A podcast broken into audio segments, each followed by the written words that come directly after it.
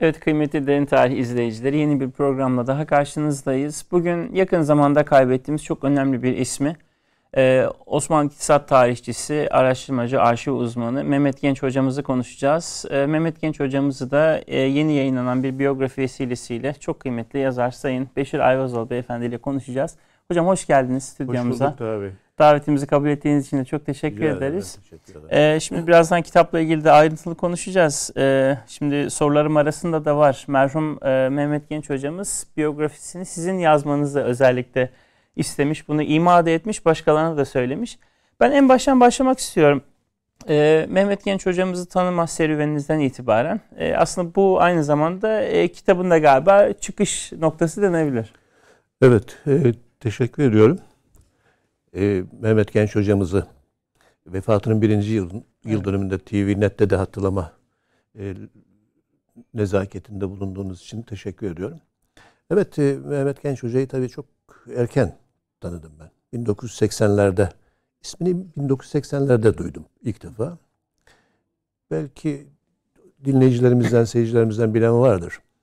E, 80'lerin başında Tunca Toskay TRT Genel Müdürü olunca İktisat Fakültesi'nin yakın arkadaşı olan, İstanbul İktisat Fakültesi'nin yakın arkadaşı olan Mehmet Genc'in maddi olarak zor durumda olduğunu öğrenince ona bir program teklif ediyor. E, uzun zaman e, hoca TRT 2'de özellikle iktisat ve iktisat tarihi üzerine uzmanlarla söyleşi programları yaptı. Adı da zaten ilk defa o zaman duyulmaya başlandı. Ben de Bursa'daydım o yıllarda. Böyle heyecanla bekler, dinlerdim hocanın programlarını. İstanbul'a geldikten sonra e, kitaplarım e, biliyorsunuz önceleri Ötüken Neşriyat tarafından yayınlanırdı.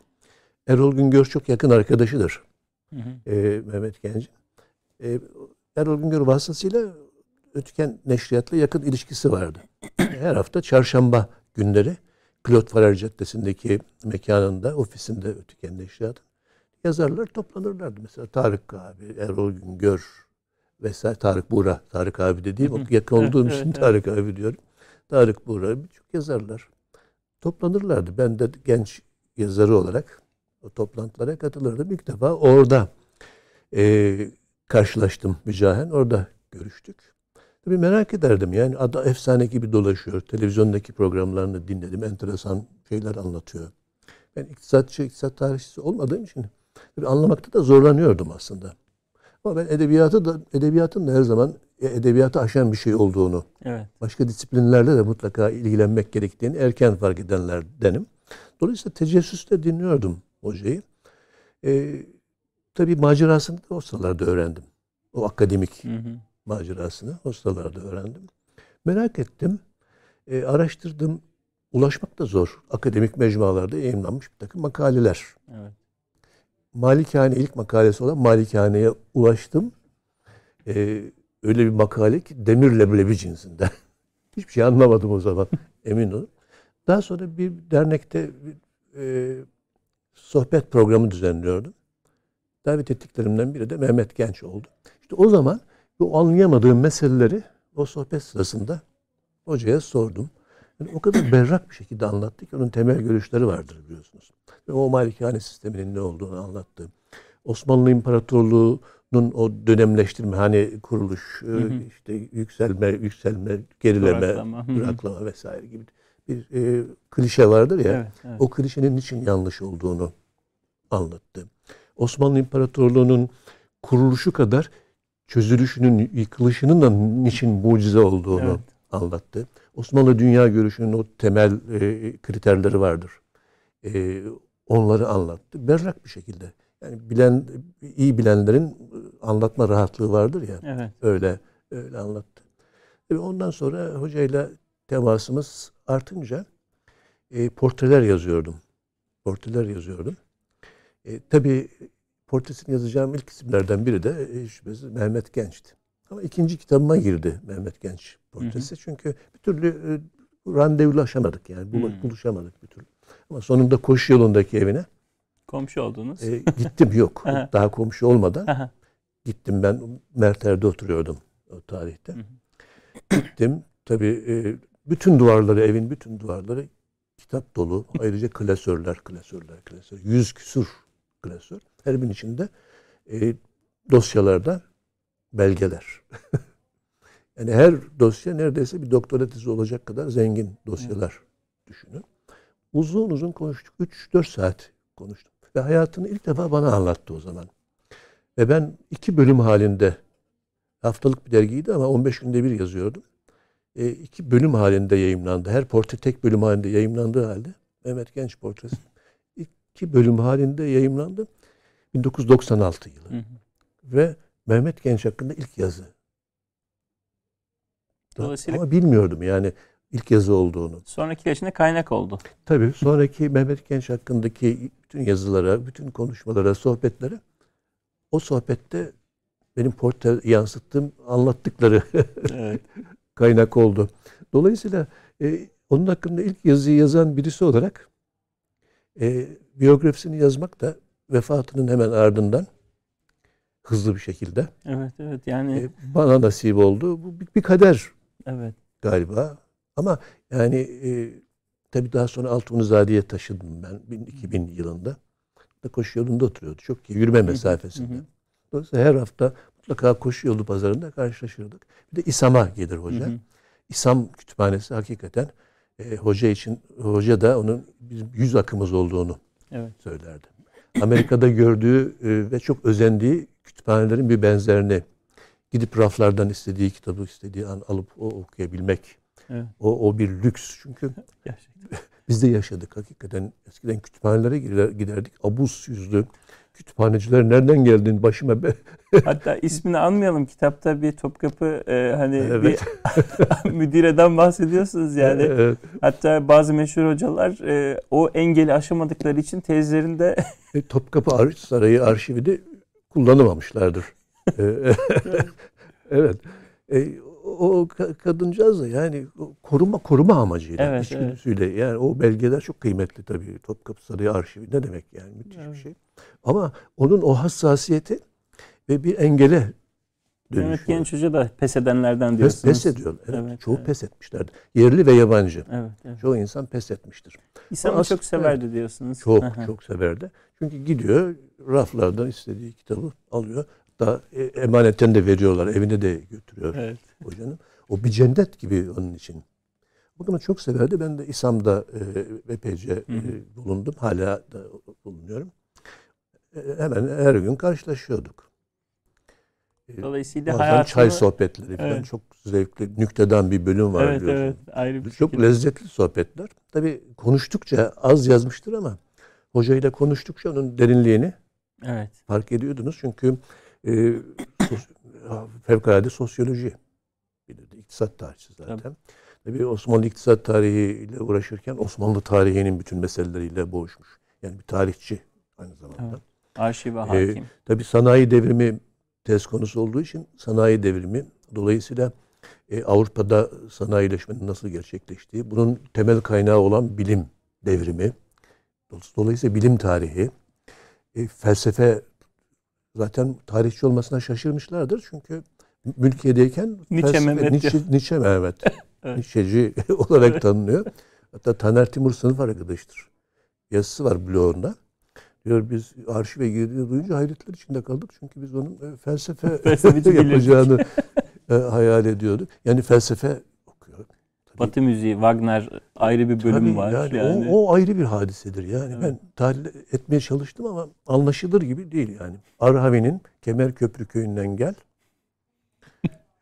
yani ne, nasıl keşfetti, nasıl dinledi, hangi e, nereden buldu plak o, o imkansızlıklar içerisinde olacak şey değil. Evet. İşte böyle bir macera e, işte onun arzusu üzerine e, Dolayısıyla e, evet, hakikaten ortaya getirdim. Ben de hocam hani haddimi aşmış olmazsam şunu diyeceğim. Yani hakikaten Mehmet Genç hocanın da bir şansı olmuş sizin gibi birisiyle yakın mesaide bulunması. Çünkü hani kitap e, birazdan da soracağım. Hakikaten böyle e, çok az kaynak var yazılı. Zaten kendisi anlatmamış. Anlatmayı da sevmiyor. Dolayısıyla siz aslında burada inanılmaz bir iş yapmışsınız. Yani e, böyle bütün detayları tarayarak nerede ne varsa hani Şap- bunu şap- ancak siz yapabilirsiniz. Şapkadan tavşan çıkarmak gibi bir şeydi. Yani. Aslında e, Erol Güngör biyografisi de var orada. Evet şimdi sırayla Ee, da ben izleyicilerimize o- o- şöyle göstermek istiyorum. Evet. Hac yolunda bir karınca Mehmet Genç, e, Beşir Ayvazoğlu hocamızın imzasıyla e, Türk Kültürüne Hizmet Vakfı tarafından yayınlandı. E, ben şimdi arkadan e, Erol Güngör'ü de sırasıyla onu da göstereyim. Şöyle izleyicilerimiz için de yine aynı şekilde. Aynı serinin bir kitabı zaten iki tane yakın dostun biyografileri. Erken Karan Yıldız, Erol Güngör.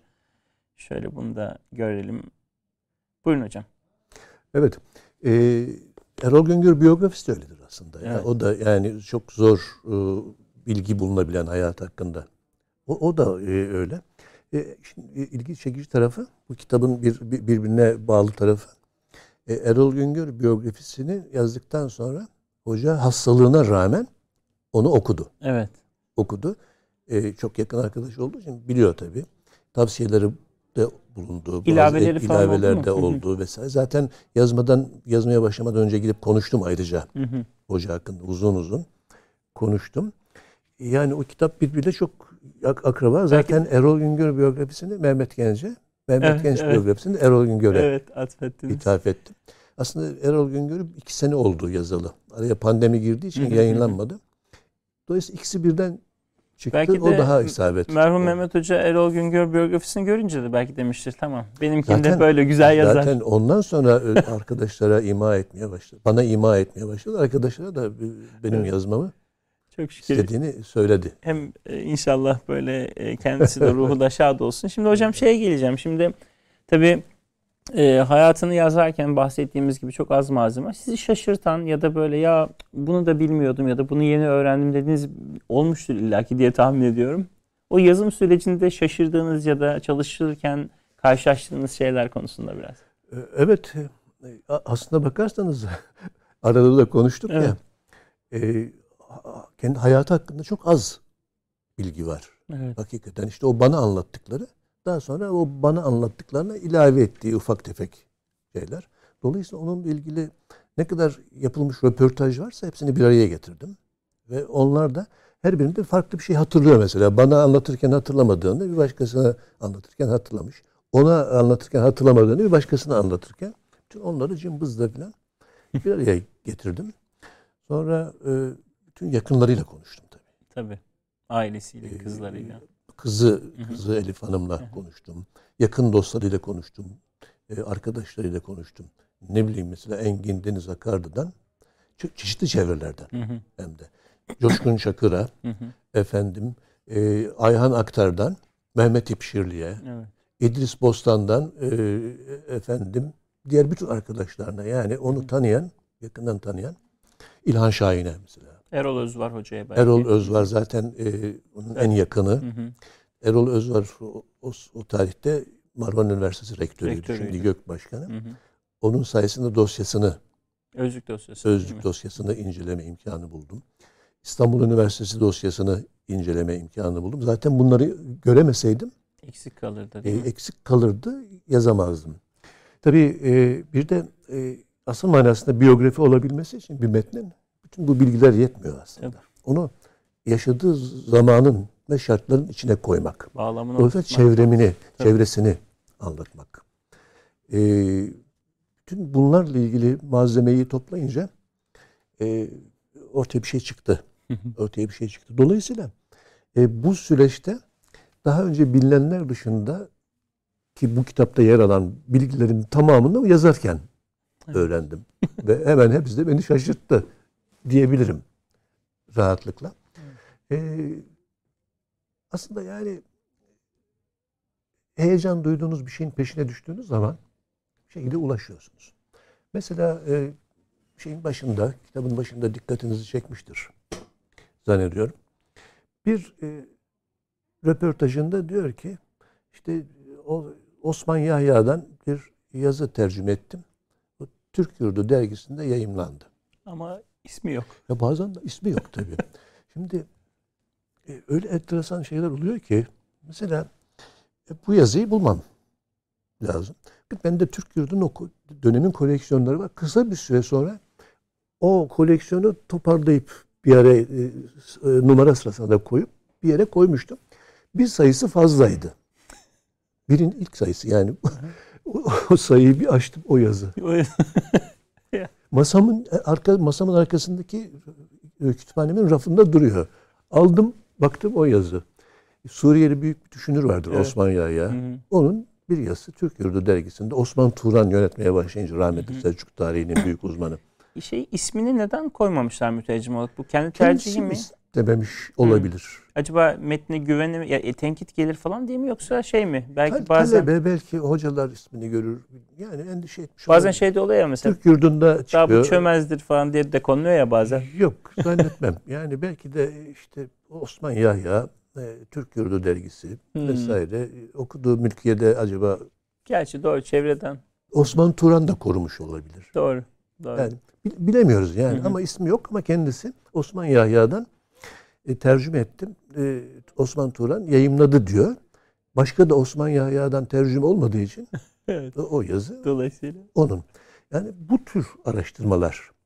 Mesela şey yapıyorsun. E, Haydarpaşa Lisesi'ne geliyor. Şimdi orada Haydarpaşa Lisesi'nin mekanını Mektebi Tıbbiye-i Şahane Evet. biliyorsunuz. Muhteşem bir bina. Ki geldiği köyden düşünün. Daha büyük. Daha büyük. nüfusu da kendi köyünden daha kalabalık yere Arhavi'den gelen bir çocuk düşüveriyor yani. Evet. Şimdi onu orada bir roman, romancı muhayyilesinin devreye girmiş olması lazım.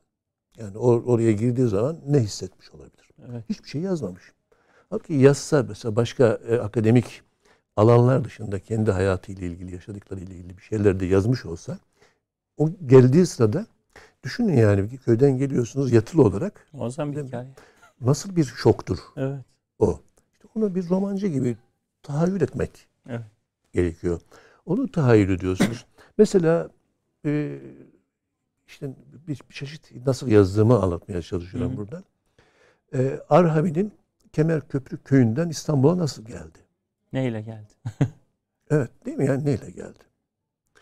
Yani tren var o sıralarda ama trene binebilmek için Kars'a falan gitmesi lazım. Tabii. Kars'a nasıl? Artvin'e bile gidemiyorlar. Karayolları yol falan yok. Hı hı.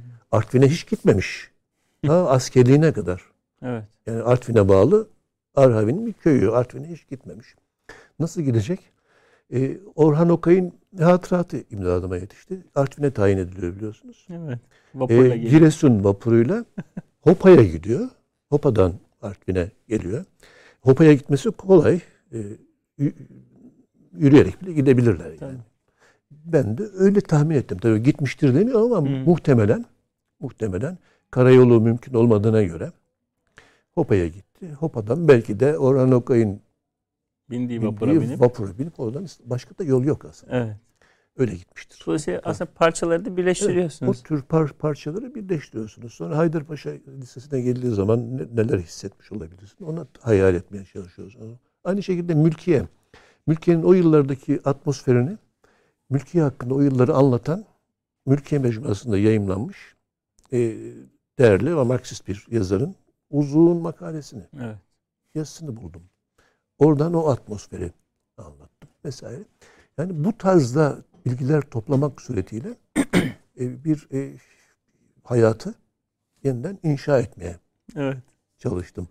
Biyografi yazarlığı böyle bir şey. Tabii her safhada yepyeni bilgilerle. Tabii. Mesela ilk defa e, asistanlık yıllarında e, Aksaray civarında e, oturduğu evi Nevzat Yalçın Taş'la paylaştığını tesadüfen öğrendim. Ama hemen Nevzat Yalçın Taş'ın hatıratına baktım. Yok. Niye yok? Hiç bahsetmemesi enteresan. Evet. Demek ki bir problem oldu. evet. Değil mi? yani e, böyle bir takım ipuçlarından hareketle bir hayatı inşa ediyorsun. Yine mesela kaldığı bir yurdu da yine bir hatırattan bu Kadir Mısıroğlu'nun Evet. işlettiği bir yurtta kalmasını da mesela Evet, bir evet. başkasının Abdullah, hatırat. Abdullah Işıklar'ın hatıratından onu bu- buluyorsunuz. Yani hepsini bir araya getirdiğiniz zaman e, bir yavaş yavaş bütünlenmeye başlıyor bir hayat. Böyle böyle inşa edilmiş bir biyografi ama bu bir e, çok heyecan verici bir şey. Evet ya Bunu ya- yazmayan, bu işlerle uğraşmayan bilmez. bilemez. Hakikaten bir hayatı böyle harf harf, kelime kelime adeta yeniden Kendi yazsa bu kadar yazmaz diye ben düşündüm. Yazmaz. Zaten kendimden bahsetmekten hoşlanmam Evet. diyor. Hatta bir çeşit vebal gibi görüyor. Hmm. Başkalarından bahsetmekten de hoşlanmam. Belki yanlış bir şey söylerim diye bunu vebal olarak görüyordu. Şeye geleceğim şimdi e, kitapta özellikle Üç Dost diye bir bölüm var. E, işte üç tane isimden Mehmet Çavuşoğlu, Erol Güngör Hoca'yı andık zaten. E, belki hani biraz daha böyle kendisini daha yakından tanıma adına bu üç dostun bir araya gelmesinden ne doğmuş ya da bu üç dost birbiri için ne anlam ifade ediyor? Evet. E, Mehmet Çavuşoğlu, Erol Güngör, Hı hı. e, Mehmet Genç. Tabii bu bir e, üçlü. Ayrılmaz üçlü Hı hı. aslında. İkisi çok erken vefat ediyor. E, işin ilginç çekici tarafı ben üçünü de tanıyorum. Evet.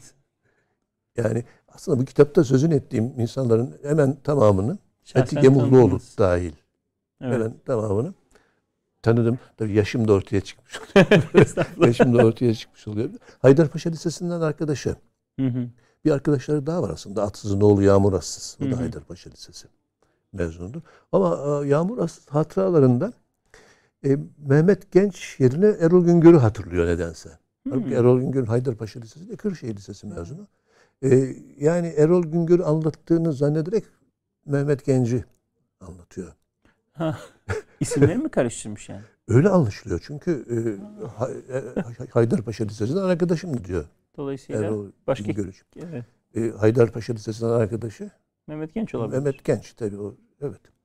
E, ya şimdi tabii e, dolayısıyla Erol Güngör, e, Mehmet Çavuşoğlu şeyde hukuk fakültesinden tanışıyorlar. Hı hı.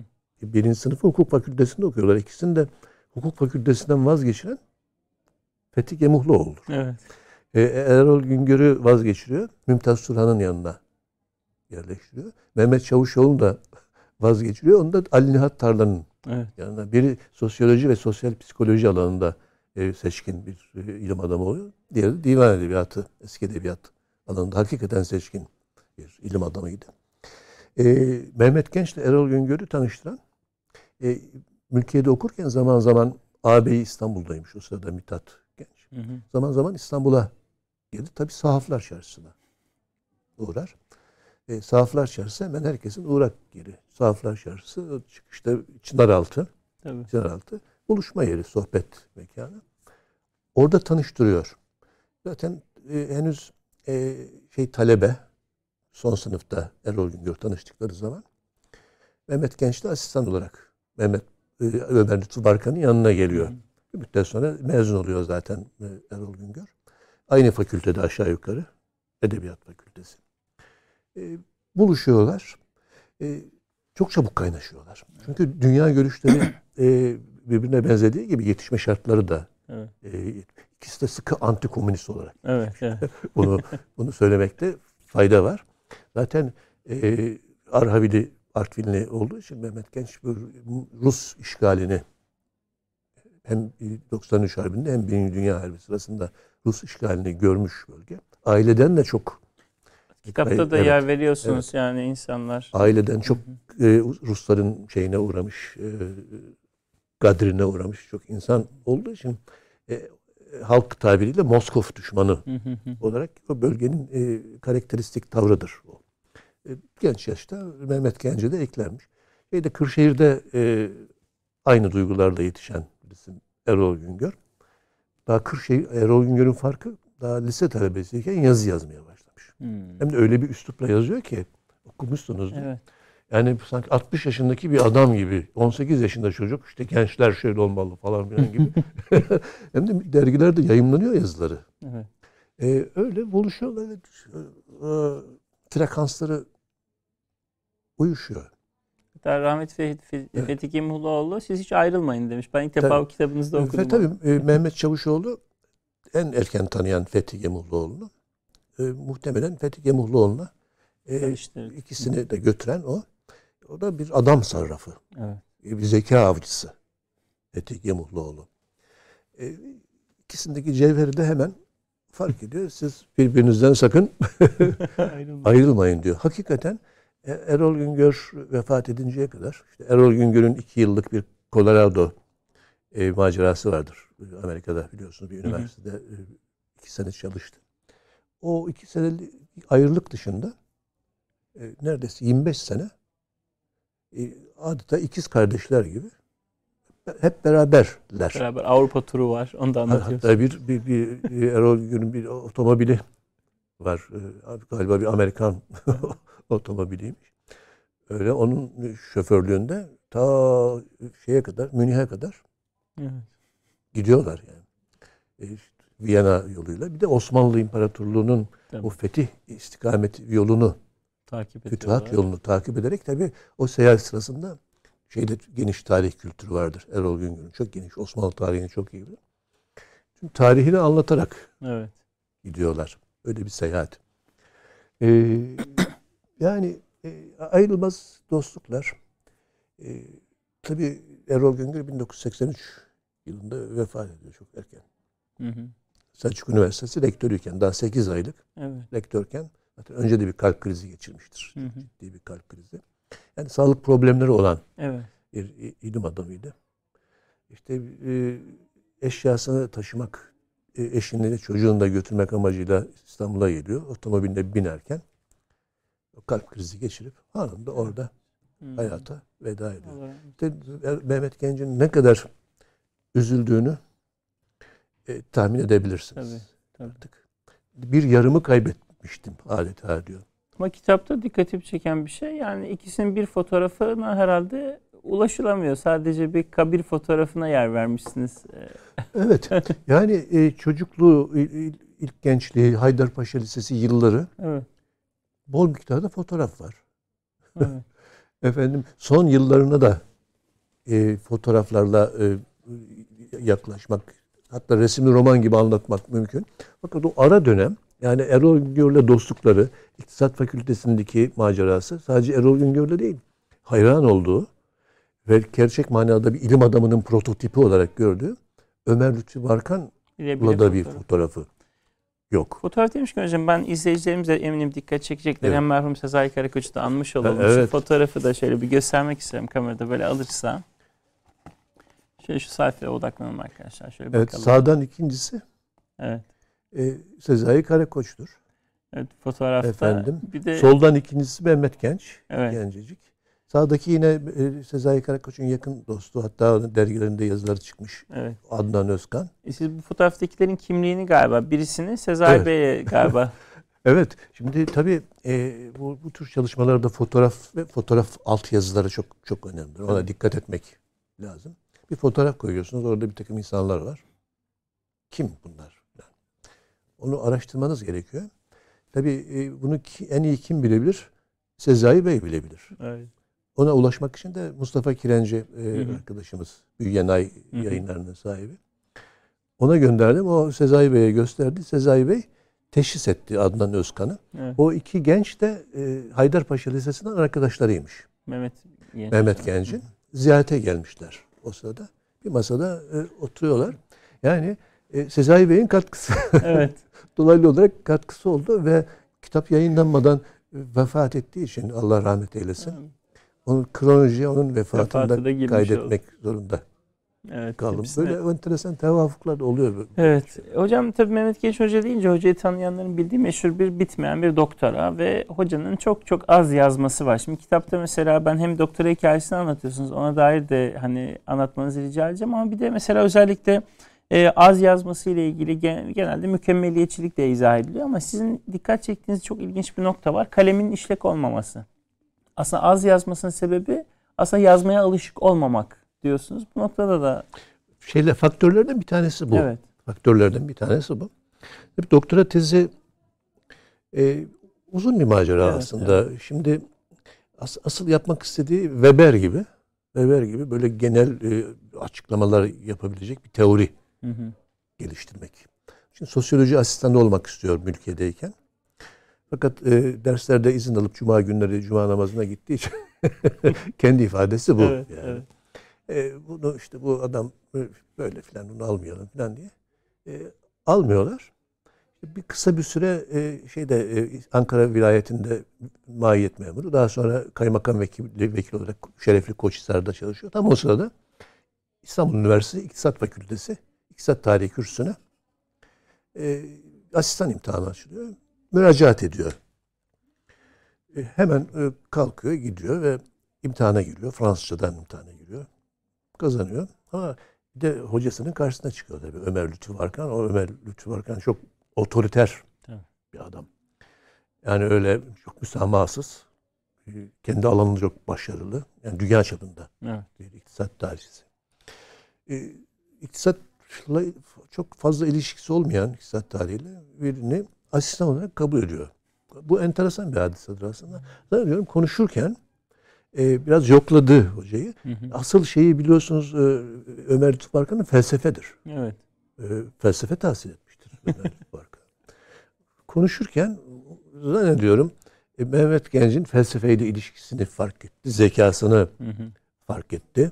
Bir de e, Artvin'in e, Arhavi kazasının Kemerköprü köyünden çıkıp gelen bir gencin bu Azmini başarı belki. hikayesi Evet. cezbetti tahmin ediyorum.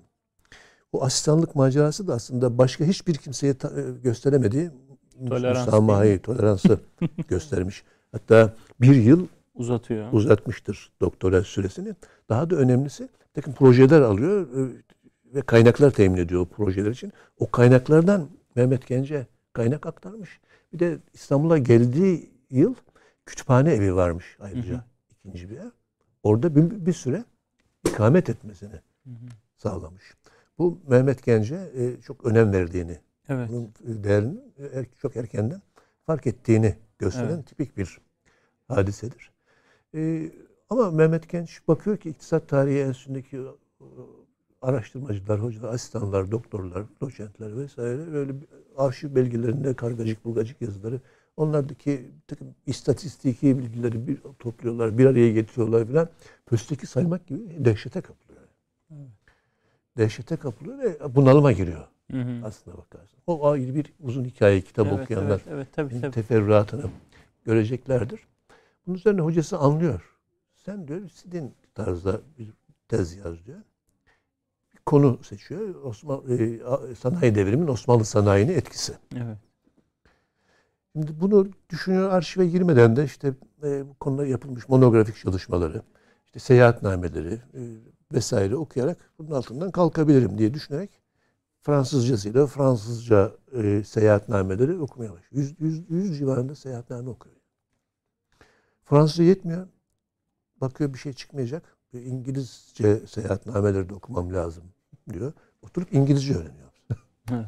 Bunların hepsi zaman alan şeyler. Tabii.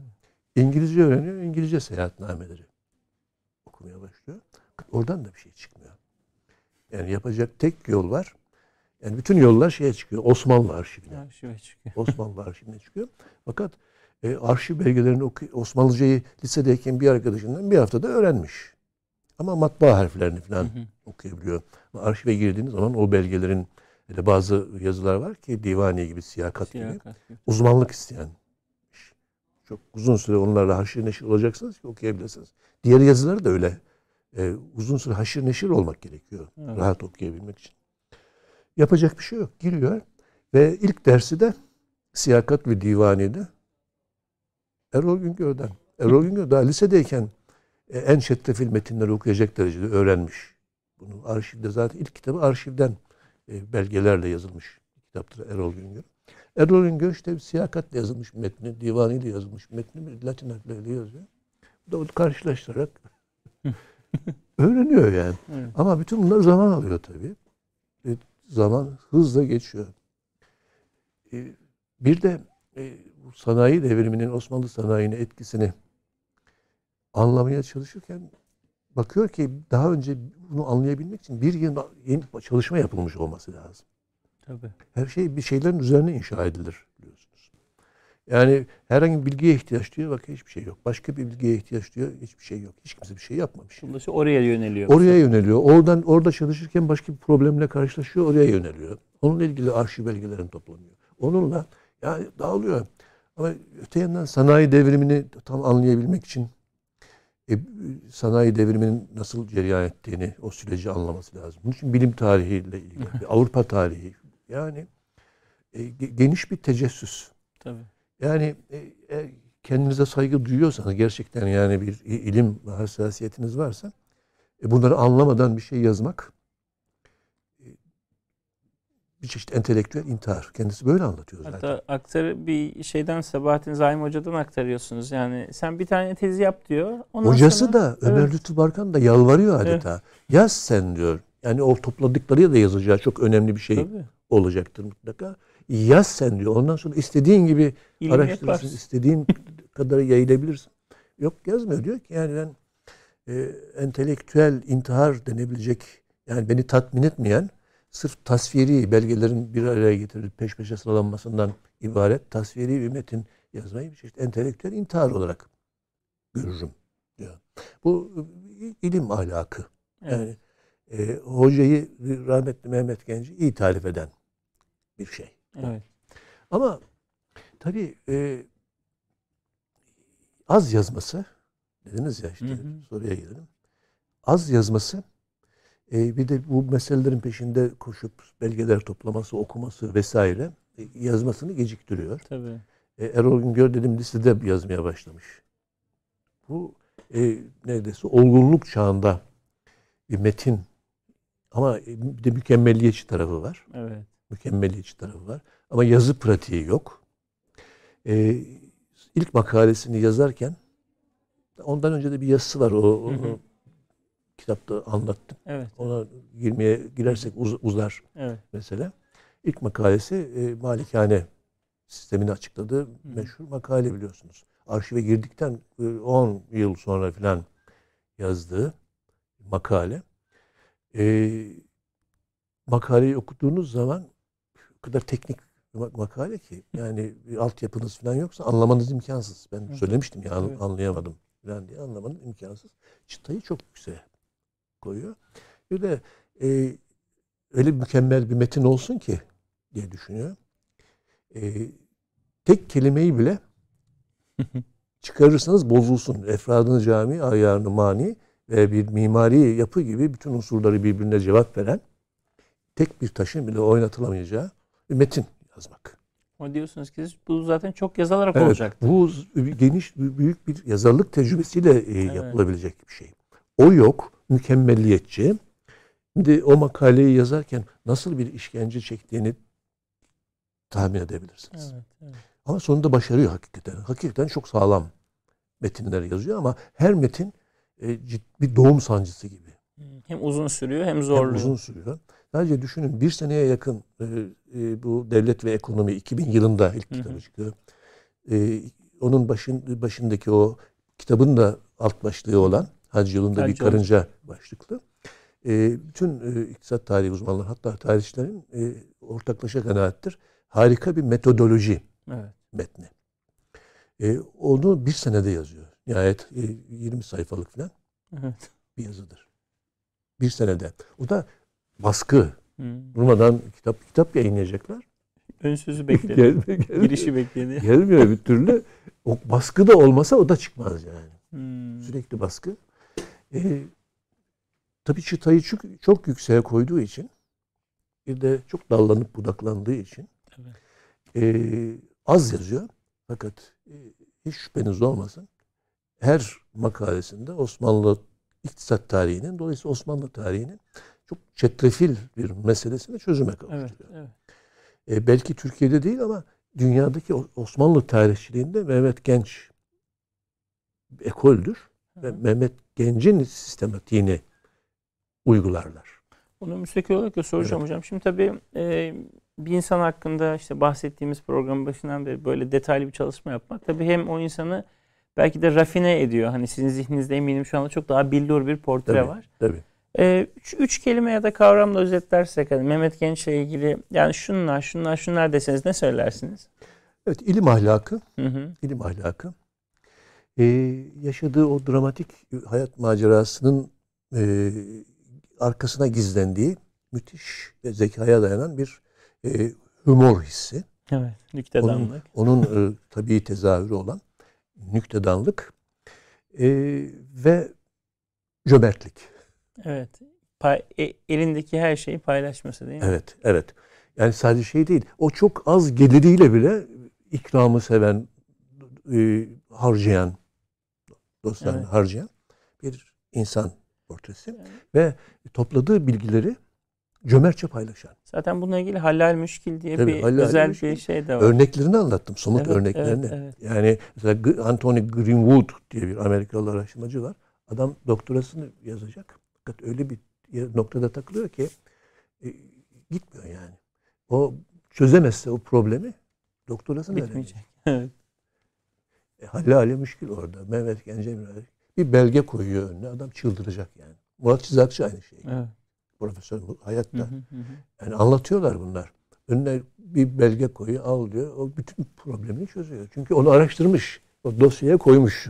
Dolayısıyla dosyalar da aslında birer dediğiniz gibi evet. tez yani. Şimdi o dosyaların hepsi kütüphanesi de dahil biliyorsunuz Cumhurbaşkanlığı evet. e, Millet Kütüphanesi'nde. Tasnif edilmedi ama Tasnif değil mi? edilecek. Hı hı. Aslında tam bir Mehmet Genç biyografisi yazılabilmesi için o kütüphanesinin o kütüphaneye intikal eden evrakının, dosyalarının filan, o dosyalardaki notlarının vesaire incelenmesi lazım. Oralardan sizce çok ekstra mesela sizin burada yer verdiğiniz şeyler çok sürpriz çıkar mı dersiniz? Çıkabilir, bilmiyorum. Yani ne bileyim bir kitabın arasından çıkan bir mektup, bir fatura bile e, Doğru. yani biyografi yazarı için en küçük bir fatura, bir bilet bile evet malzemedir ma- değil mi? Malzemedir yani. Dolayısıyla çok kıt malzemeyle yazılmış bir şey. Evet. İleride o e, tasvip edildikten sonra o kütüphanedeki evrakı, kütüphaneyi vesaire inceleyenler buna çok ciddi manada katkıda bulunabilir. Ama sonuçta buna da öncülük ettiniz yani. evet. Ala çalıştığınız birçok evet. alanda yaptığınız çalışmalar gibi. Hocam şey soracağım. Hani çok kısa bir soru ama eminim cevabı da belki uzun bir şey olur. Hani belki bir ayrı bir konuşma. Mehmet Genç tam olarak neyin peşindeydi? Hani e, detay, ayrıntı, işte bir metodoloji ortaya koymak dediniz ama bunların ötesinde tabii ki siz kendisinin duygu dünyasına da vakıfsınız. Arkadaşı olduğunuz yıllarca beraber sohbetler. Yani Mehmet Genç tam olarak hangi boşluğu doldurmak derdindeydi? Tabii Osmanlı zaten tez konusu nereden hareket ettiğini hı hı. gösteriyor ama zaman içerisinde tez konusunu aşıyor. Zaten hocası vefat ettikten sonra o tezi verecek o kimse de kalmıyor yani. O çapta çalıştıracak evet, biri. Evet, evet. Kimse de kalmıyor. Dolayısıyla e, o arşivdeki çalışmaları sırasında o tez konusunun kendisini götürdüğü alanlardaki bilgi birikimiyle Osmanlı sisteminin yapısını evet çözümledi aslında. Ama e, daha çok problem vardı tabii. E, o çözümlemeyi tamamlamak ve bir genellemeye gitmek. Genel bir açıklama yapmak istiyordu. Başından beri e, hedefi buydu. Daha da e, rafine hedef e, ilim çok pahalı bir şey derdi. Hoca. İlim çok pahalı bir şey derdi. Yani ömrünüz boy, boyunca çalışırsanız, zamanınızı harcarsınız ama katkınız belki bir paragraftır. Hmm, bil, yani, Bilgiye. Evet. Ciddi manada. Literatüre. Ciddi manada yeni ufuk açıcı bir katkı. Hı. Par belki bir paragraftır. Ve o paragrafın peşindeydi. Evet.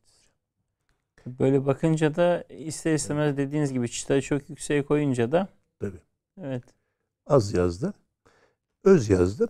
E, e, yayınlanmış bir derleme Erol Ozver'le ilgili hı hı. bir kitabı var. Bütçeler hakkında biliyorsunuz. Hı hı.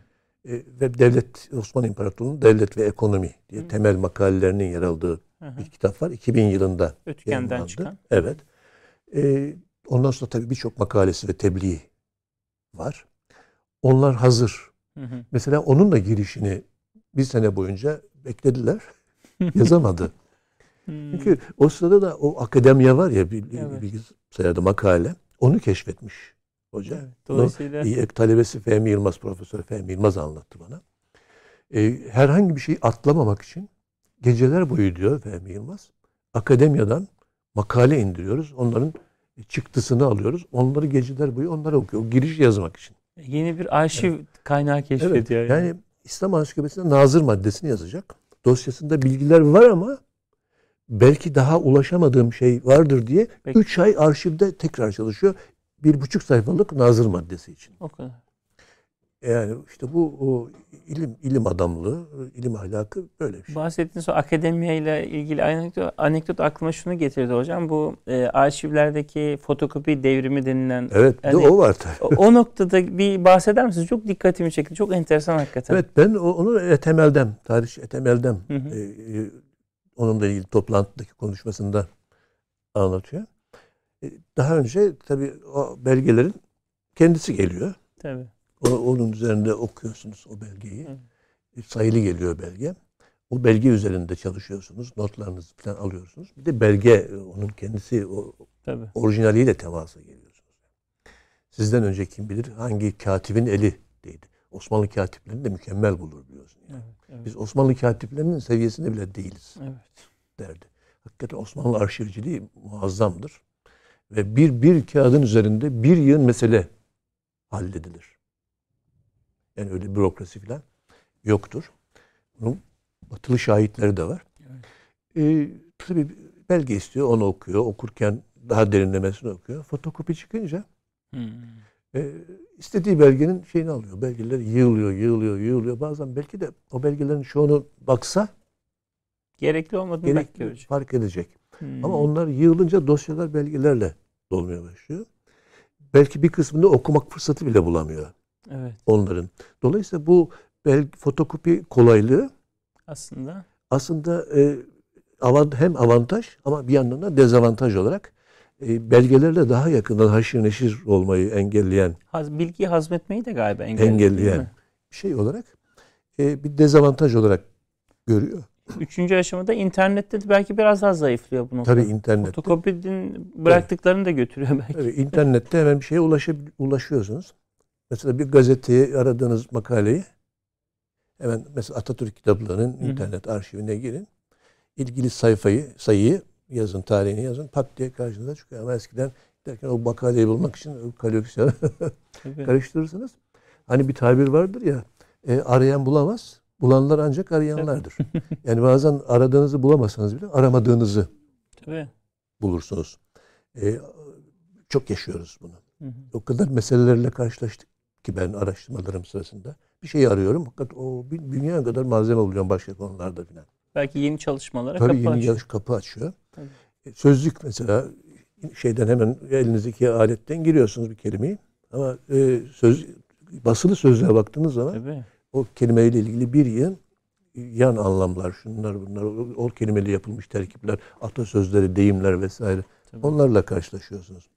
Yani hem avantajı var hı şeylerin hem dezavantajı var. Dolayısıyla akademiya kolaylığı Mehmet Genç Hoca'ya ahir ömründe aslında yeni bir meşgale çıkardı. meşgale çıkardı. Evet öyle evet. anlaşılıyor. Hocam şimdi tam süremizin de sonlarına geliyoruz. Ben tekrar şöyle e, kitabı e, izleyicilerimiz için tekrar arz etmek istiyorum. Hac yolunca bir hac yolunda bir karınca Mehmet Genç e, Türk Kültürüne Hizmet Vakfı tarafından yayınlanmış. E, kardeş kitap da Erol Güngör aynı şekilde. Zaten sizin de ifade ettiğiniz gibi birbirine e, ithaf edilmiş kitaplar. E, konuşamadığımız tabii süre kısıtlı olunca e, giremediğimiz birçok detay var. E, onları da e, izleyicilerimiz zaten kitabı edindiklerinde uzun uzun o sizin çok nefis üslubunuzu okuyacaklar. Bir sorum daha vardı da e, ben o soruyu sadece soracağım cevabını almadan çünkü onunla ilgili müstakil bir program sözü de aldım sizden. Son sorum şuydu. E, biyografi konu çok çalışmanız var tabii. Biyografi nasıl çalışılır? E, biyografi e, nereden başlar, nasıl ilerler? Ama e, ayrı bir derin tarih programı yapalım hocam inşallah. Vaktiniz inşallah. müsait olursa. Olur. Yani biyografi yazımı konusunu bir konuşalım. Çünkü hakikaten çok önemli. Son sözleriniz hem Mehmet Genç hocamızla ya da genel olarak kitapla ilgili de e, sonra programı kapatalım. Buyurun hocam. Evet. E, e, mutlaka yani iyi anlaşılması gereken bir e, ilim adamı. Yani bir e, rol, rol model.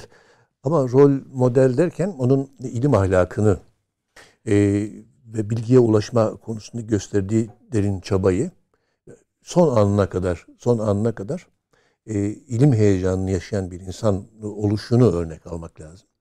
E, daha verimli olmak için çok yazmak lazım. Evet. Yaza yaza yaza yaz, yazabilir insan. Yani yazmayan yazamaz. Evet. Yazmayan yazamaz. E, yazsa bile çok zorlanır ve e, Dolayısıyla çok okuyan iyi yazar evet. diye bir şey yok. Mümkün değil. Tabii. Yok. Çok yazan iyi yazar. Evet. Çünkü yazdıkça e, kaleminiz işlekleşir. Dil, dille daha fazla haşir neşir olduğunuz için onun bütün sırlarını Tabii. keşfedersiniz. E, en kısa yoldan anlatmanın, en çarpıcı şekilde anlatmanın imkanlarını keşfedersiniz evet. yazarken ve zaman içerisinde üslubunuz Oturur. oluşur. Tabii. Yani büyük ilim adamları aynı zamanda üslup sahibi adamlardır. Filozoflar da öyledir. Evet. Bergson Nobel Edebiyatı ödülünü almıştır biliyorsunuz. E, dolayısıyla e, çok yazmak. Her gün her gün mutlaka yazmak lazım. e, çok usta yazarlar bile, hayatını yazarak yaşayanlar bile kısa bir süre ara verseler kalemleri hemen tutuklaşır. Evet. E, genç arkadaşlara özellikle e, sürekli yazmalarını ama en e, acımasız tenkitçi olarak da kendiler, kendi kendilerinin tenkitçisi evet. olmalarını tavsiye ederim. Evet. Bir metni defalarca yazmaktan Gocunmamak e, lazım. Çekinmemelerini, evet. üşenmemelerini evet. tavsiye ederim. Çok teşekkür ederiz. Yani ben hakikaten sohbet de çok keyifli, konu da çok keyifli. Hem bu arada merhum hocamıza da tekrar bu vesileyle Allah'tan rahmet dilerken tekrar çok teşekkür ederiz buraya kadar. Ben teşekkür ederim. Zahmet verdik size. Çok sağ olun. Evet kıymetli izleyicilerimiz programımızın birinci bölümünde e, geçen yıl kaybettiğimiz e, Mehmet Genç hocamızı Sayın Beşir Ayvazoğlu ile andık e, kitap vesilesiyle. E, programımızın ikinci bölümünde görüşmek üzere. Kısa bir ara şimdi. Evet kıymetli izleyicilerimiz programımızın ikinci yarısıyla karşınızdayız. İkinci yarıda her hafta olduğu gibi önce e, bu hafta gerçekleşmiş olan önemli olaylardan yaptığımız bir seçkiyi sunuyoruz. Daha sonra da bu haftanın kitap tavsiyelerine geçiyoruz. Evet bu haftaki birinci olayımız 28 Mart 1921 tarihinde Kudüs'te gerçekleşen önemli bir görüşme. Bu görüşmenin taraflarından bir tanesi dönemin İngiltere Sömürgeler Bakanı Winston Churchill. Karşısındaki muhatabı da masanın öbür tarafında oturan kişi de Şerif Hüseyin'in oğlu Emir Abdullah. 28 Mart 1921 tarihli bu görüşme e, İngiltere Dışişleri Bakanlığı'nın o dönemde Orta Doğu ile ilgilenen bütün mensuplarını ve bütün uzmanlarını topladığı ünlü Kahire konferansı sırasında gerçekleşti. E, toplantıya e, Sömürgeler Bakanı sıfatıyla iştirak eden Churchill toplantıya küçük bir ara vererek e, Kahire'den Kudüs'e geçti trenle. E, orada da e, Emir Abdullah'la yani o dönemde Ürdün bölgesinde İngilizlerin kendisine vereceği komutları bekleyen Şerif Hüseyin oğluyla bir araya geldi. 28 Mart 1921 tarihli bu toplantıdan e, Ürdün Krallığı'nın daha doğrusu o dönemki ismiyle Maverai Ürdün Emirliği'nin kurulması kararı çıktı. Böylece 1921 yılı itibariyle Orta Doğu'da yeni bir devlet ortaya çıkıyordu. Maverai Ürdün Emirliği 1946 yılı itibariyle de bu emirlik Ürdün Krallığı'na dönüşecekti. Bu haftaki ikinci başlığımız 30 Mart tarihi. 30 Mart 1432'de Fatih Sultan Mehmet Han'ın dünyaya gelişi Sultan II. Murad'ın oğlu olarak e, ileride Osmanlı tahtının bir namzedi olarak ve Osmanlı tarihinin hatta sadece Osmanlı tarihinin değil dünya tarihinin en büyük komutanlarından, en büyük askerlerinden birisi olarak İstanbul'un fethiyle de dünya tarihine, insanlık tarihine geçecek olan büyük e, hükümdarın doğum tarihi 30 Mart 1492. Üçüncü başlığımız yakın bir tarih. 30 Mart yine ama tarih, yıl olarak 1976. E, Filistin'in kuzeyindeki Celile bölgesinde e, sahip oldukları toprakları zorla ellerinden almak isteyen İsrail askerlerine direnen bir grup Filistinli çiftçi önce e, bir e, grev hareketi organize ettiler. Daha sonra da bu grev hareketi yeterince başarıya ulaşmayınca kendi topraklarını terk etmemek ve ne olursa olsun direnmemek üzerine karar aldılar. Fakat 30 e, Mart 1976 tarihinde İsrail askerleri e, sadece ve sadece toprakların teslim etmek teslim etmek istemeyen bu e, çiftçilerin üzerine ateş açarak altısını öldürdü. O tarihten günümüze 30 Mart günü bütün Filistin topraklarında ve aynı zamanda da dünyanın farklı yerlerinde ve tabii ki bu arada sosyal medya platformlarında da Toprak Günü olarak anılır ve o gün e, İsrail işgali yine e, bütün e, vesilelerle telin edilir, kınanır ve işgale karşı sesler yükseltilir. 30 Mart 1976'da gerçekleştirilen bu e, çiftçilerin e, İsrail tarafından öldürülmesi olayının e, yıl dönümü olarak. Dördüncü başlığımız 1 Nisan tarihli. 1924 tarihinde 1 Nisan'da Topkapı Sarayı müzeye dönüştürüldü. Tabi Osmanlı İmparatorluğu dağılmış. İmparatorluğun simge mekanları teker teker ya atıl duruma e, geçmiş ya da e, müze ya da bir takım başka kullanımlara e, tahsis edilmiş. Topkapı Sarayı da e, müze olarak tahsis edilerek müze olarak e, ziyarete açılma kararıyla e, aslında bir nevi e, iki dönem arasındaki irtibatın tamamen koparılması için kapatılıyor. Daha sonra e, Topkapı Sarayı ziyarete açıldığında aslında bir dönem bitip yeni bir dönem başlasa da aslında iki dönem arasındaki kopukluğun adeta ispatı olurcasına e, birçok parçanın e, gereği gibi sergilenmediği, birçok parçanın da e, gerçekten insanların hafızasında adeta yer etmemesi istenircesine gözlerden kaçırıldığı bir süreç başlıyor. Böylece imparatorluğun bir zamanlar yönetildiği bir mekan, bir büyük saray ne yazık ki sönük bir müze şeklinde ziyarete açılıyor. Dediğim gibi birçok eksikle birlikte. Beşinci e, bu haftaki gündemimizde 3 Nisan tarihinde 3 Nisan 1948'de Amerikan Başkan Truman meşhur e, Marshall Planı'nı açıklıyor ve Marshall Planı ile böylece e, Orta Doğu, Türkiye'nin de aralarında bulunduğu İslam dünyasının merkez ülkelerine Amerikan yardımları başlıyor. Amerikan yardımları otoyolların, altyapının yenilenmesinde, okullarda bir takım e, yenileme faaliyetlerinin kullan, e, faaliyetlerinde kullanılıyor. E, fakat tabi esas olarak Marshall yardımlarının esas gayesi e, Amerikan etkisinin Orta Doğu'da daha da kökleştirilmesi. E, tabii ki bu tür e, genel yardımlar sıradan insanların hayatına bir takım kolaylıklar getirirken Amerika'yı da okyanusun öbür tarafından to, e, dünyanın bu tarafına taşımış oluyor. Şimdi sizin için seçtiğimiz 5 başlık e, böyleydi. Şimdi e, yine bu hafta her hafta yaptığımız gibi e, seçtiğimiz kitaplardan bazılarını ben takdim etmek istiyorum.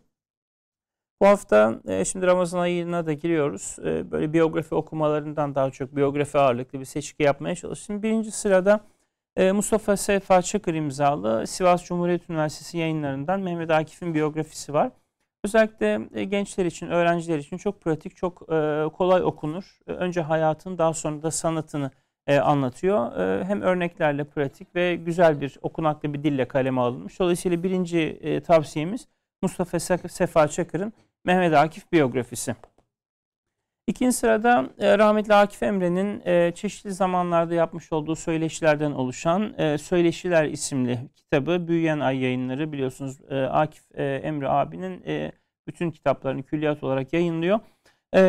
Bütün eserleri serisinin yedinci kitabı olarak yayınlandı. İçerikte neler var? Söyleşiler kimlerle yapılmış? Birçok tabii uzun bir liste ama e, en böyle göze çarpanları sayacak olursam Seyit Hüseyin Nasır var mesela, Yusuf İslam var.